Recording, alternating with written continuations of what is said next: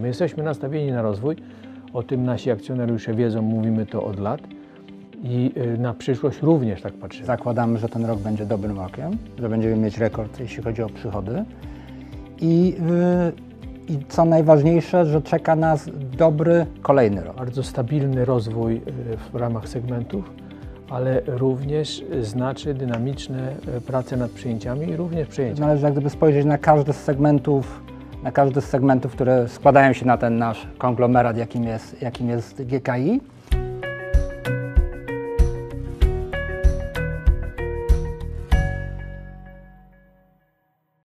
Dzień dobry. Dziś porozmawiamy o wynikach grupy kapitałowej Immobile po trzech kwartałach tego roku. Państwa i moimi gośćmi są prezes grupy Rafał Jerzy Dzień dobry. oraz członek zarządu i dyrektor finansowy Piotr Fortuna. Dzień dobry. Spójrzmy na najważniejsze liczby. 649 milionów złotych przychodów. Dla porównania rok temu było to 683 miliony złotych, a strata netto po trzech kwartałach to 8 milionów złotych. Dla porównania rok temu odnotowano zysk w wysokości 10 milionów złotych. Panie dyrektorze, jak pan ocenia e, po tych e, trzech kwartałach e, wyniki grupy? Trudno mówić, że jesteśmy bardzo zadowoleni, jeżeli jest strata. Tak? Natomiast, tak jak mówiliśmy poprzednio, e, e, czeka nas, czy zakładamy, że ten rok będzie dobrym rokiem, że będziemy mieć rekord, jeśli chodzi o przychody. I, e, I co najważniejsze, że czeka nas dobry kolejny rok. Myślę, że tutaj należy, należy, należy jak gdyby spojrzeć na każdy z segmentów, na każdy z segmentów, które składają się na ten nasz konglomerat, jakim jest, jakim jest GKI. I już koledzy to oceniali, jeśli chodzi o PJP Makrum, tak przedstawiali sytuację, przedstawiali, y, Andrzej przedstawił sytuację Atremu. I tutaj tylko mogę powiedzieć, że, że, y, że tak, jak, tak, jak, tak jak mówili, y, te wyniki nawet po tych trzech miesiącach, trzech kwartałach, przepraszam, mimo że na przykład w budownictwie nastąpiło podwojenie przychodów z półrocza w ciągu jednego kwartału, to jeszcze nie jest koniec, tak? Te, to, ten, ta wysoka dynamika przychodów i także rentowności będzie miała miejsce w czwartym kwartale. Przemysł będzie szedł bardziej, bardziej liniowo, a tym także prawie w ciągu trzeciego kwartału podwoił przychody z pierwszego półrocza. I tak jak mówił y, prezes Gołaski, perspektywy dla Atremu na ten rok, na tą końcówkę roku, ale także na przynajmniej dwa lata kolejne, z tego co już mamy na stole, są, są po prostu bardzo dobre. Więc tutaj y, widać już to będzie w przychodach, widać to powinno być, widać także w marży. Jeśli nie w tym roku, to na pewno w kolejnym. I tutaj mamy bardzo, bardzo, dobrą, bardzo dobrą i przewidywalną sytuację, bo po prostu wiemy, wiemy co, co mamy na stole. Tutaj zróbmy na chwilę przerwy. Ja tylko powiem naszym widzom, że te dwa filmy, do których odnosił się pan Piotr, to jest film, w którym miałem przyjemność porozmawiać z Andrzejem Gławskim, prezesem Atremesa, gdzie omówiliśmy po kolei e, wyniki oraz e, to, jak wyglądają realizacje poszczególnych kontraktów. Też wyszliśmy trochę w przyszłość w kontekście KPO. Drugi film z prezesami e, PJP Makrum SA, z członkami zarządu, czyli z prezesem Piotrem Szczeblewskim i z członkiem zarządu, dyrektorem operacyjnym e, Dariuszem Szczechowskim. Tam po kolei wszystkie linie produktowe omówiliśmy. To jest obszerny, ponad 20-minutowy film, duża dawka wiedzy o PJP Makrum, więc te dwa segmenty e, tam Szczegółowo zostało omówione. Tak. wyczerpaliśmy tam wszystko. e, co- Zostaje segment hotelarski, Developing i moda. developing i moda. Segment hotelarski ma się bardzo dobrze, rekordowo dobrze, prawda? Tak. Segment, y, i to w wynikach możecie przeczytać, segment y, deweloperski również ma się bardzo dobrze i w czwartym kwartale on y, utrzyma tą sprzedaż i rentowność. No i mamy segment modowy, którym, którym traktujemy to jako segment, w którym dalej inwestujemy i my jako zarząd czujemy się w nim bardzo komfortowo i bezpiecznie, natomiast on wymaga jeszcze trochę czasu, żeby mm, e, pokazać na nim rentowności. Natomiast osiągnęliśmy e, w, tym kwartale i w poprzednim kwartale e, rentowności, które pozwalają go w kolejnych kwartałach i latach rozwijać. Tak, no trzeba zwrócić uwagę, że pod koniec drugiego kwartału kupiliśmy kilka, kilka marek. One są wdrażane jeszcze nawet nie w 100% do, do sklepów. Tak? Ciągle, ten, ten proces ciągle jeszcze, jeszcze trwa. Mam na myśli tutaj i Błonie, i Laurelle, i Acardo. I, yy, i, i tak, jak, tak, jak, tak jak powiedział pan prezes, została wykonana bardzo duża praca e, nad tym, żeby ten segment przeorganizować i teraz powinna to przynosić, e, przynosić efekty. A ta strata, którą widzimy w sprawozdaniu, tak, bo nie możemy od tego, od tego uciekać, to jest bardziej, ja, to, ja przynajmniej to traktuję bardziej jako inwestycje, tak, y, jako koszt poniesiony czy nakład inwestycyjny, a nie jako sensu stricte stratę w segment, który nie ma perspektyw No, i z którym nie wiążemy, nie wiążemy ale, nadziei. ale bardzo duża część tej straty jest zaksięgowaniem e, w koszty od razu bezpośrednio kosztów rozwojowych. Także. Ktoś może zapytać, jak to jest możliwe, że jest strata, a był zapłacony podatek dochodowy. Y, To jest, to jest ciekawe pytanie. My patrzymy na sprawozdanie skonsolidowane, tak? gdzie y, pokazujemy zgodnie z zasadami, zgodnie ze sztuką księgową, y, wyniki tak jakby cała nasza grupa stanowiła jedną firmę. Natomiast podatki płacimy, każda firma płaci swoje. Tak, tak, jak, tak jak wynika zysk. I jeżeli tutaj mamy tego, tego naliczonego podatku, mamy 4 miliony 800 tysięcy ponad, to warto zwrócić uwagę, że chociażby sama grupa PJP miała 3,5 miliona złotych podatku. Tak?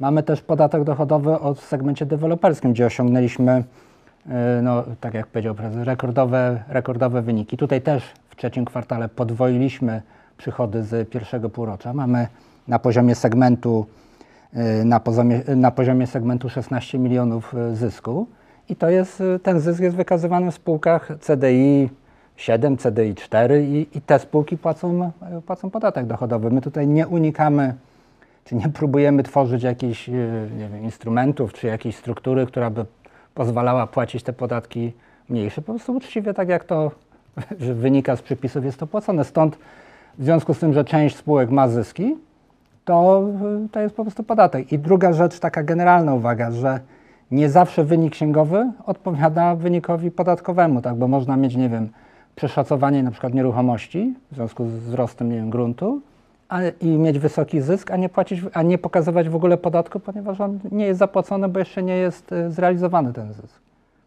Kilka razy w naszych rozmowach e, pojawiał się wątek specyficznego sposobu księgowania przychodów e, w segmencie deweloperskim, bo mamy tutaj zarówno spółki celowe, właśnie to są te CDI z kolejnymi e, numerami dla kolejnych etapów inwestycji, no ale mamy też zapas, który pojawia się w wynikach i jak wygląda ten zapas. No i tutaj, czy możemy antycypować, że mm, ten zapas się przemieści do innej rubryki w tabelce? Tak, ja chciałem, e, chciałem kolega mnie wyprzedził pytania, chciałem powiedzieć, że w strukturze bilansu w zasadzie się niewiele zmieniło, gdyby, gdybyśmy tak patrzyli to, co mamy na 30 września, to, co mieliśmy na koniec roku e, w tych ogólnych cyfrach. Natomiast jeżeli spojrzymy, czy w ogólnych liczbach, natomiast jeżeli spojrzymy na rozkład zapasów, to nastąpiło jedno istotne przemieszczenie.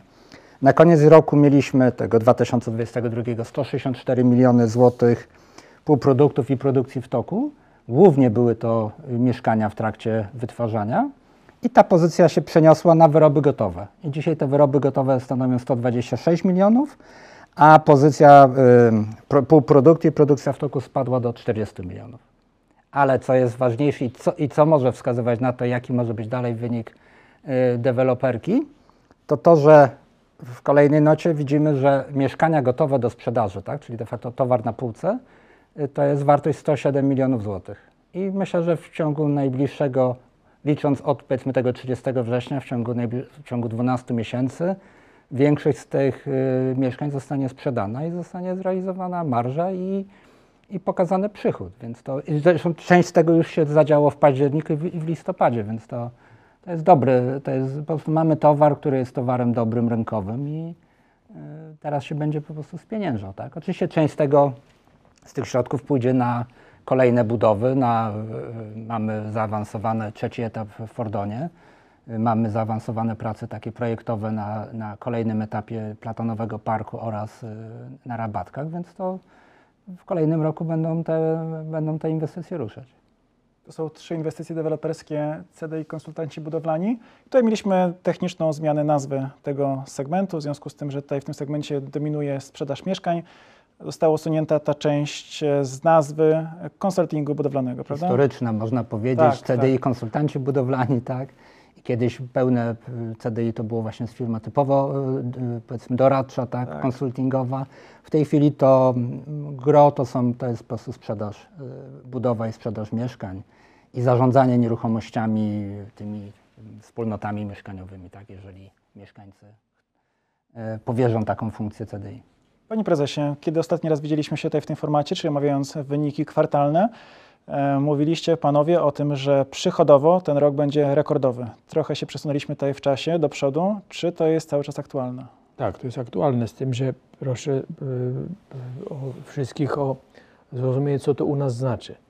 U nas znaczy to bardzo stabilny rozwój w ramach segmentów, ale również znaczy dynamiczne prace nad przejęciami i również przejęcia, bo na ten, na ten wzrost przychodów składają się również przejęcia.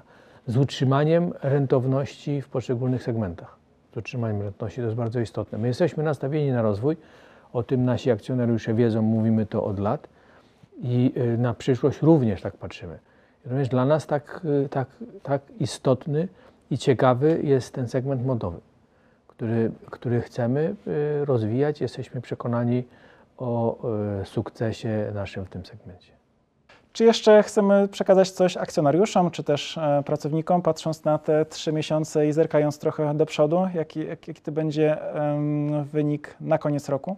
Ja podtrzymuję to, że będzie to rekordowy rok, jeśli chodzi o przychody, mimo że mamy w tej chwili po trzech kwartałach mamy przychody niższe niż w ubiegłym roku, ale wiemy, że budownictwo i Atrem bardzo mocno nadganiają, tak samo deweloperka, to co powiedziałem, mamy mieszkania, je sprzedajemy, przynosimy te, te własności, czyli możemy pokazywać te, te przychody w sprawozdaniu, że te że tutaj te elementy no, wpłyną na to, że, yy, że osiągniemy w tym roku rekord, jeśli chodzi o przychody Z utrzymaniem z rentowności. utrzymaniem rentowności i też trzeba patrzeć, że, nie, że ra, bardziej patrzymy tak długofalowo. Tak?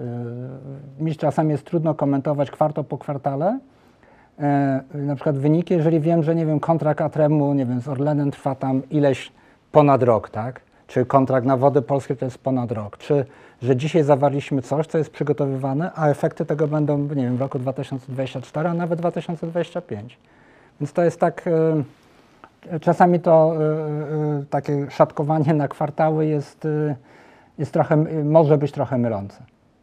Dziękujemy za dzisiejsze spotkanie. Odsyłamy do naszych pozostałych filmów e, na kanale, na przykład w ostatnim odcinku IMO Raportu. Szczegółowo odpowiadaliśmy na pytanie e, w kontekście spółki Atrem oraz e, o tym, jak e, ma wyglądać platanowy park w tym ostatecznym kształcie. Dziękujemy za dziś. Do zobaczenia. Dziękujemy, do zobaczenia. Do zobaczenia.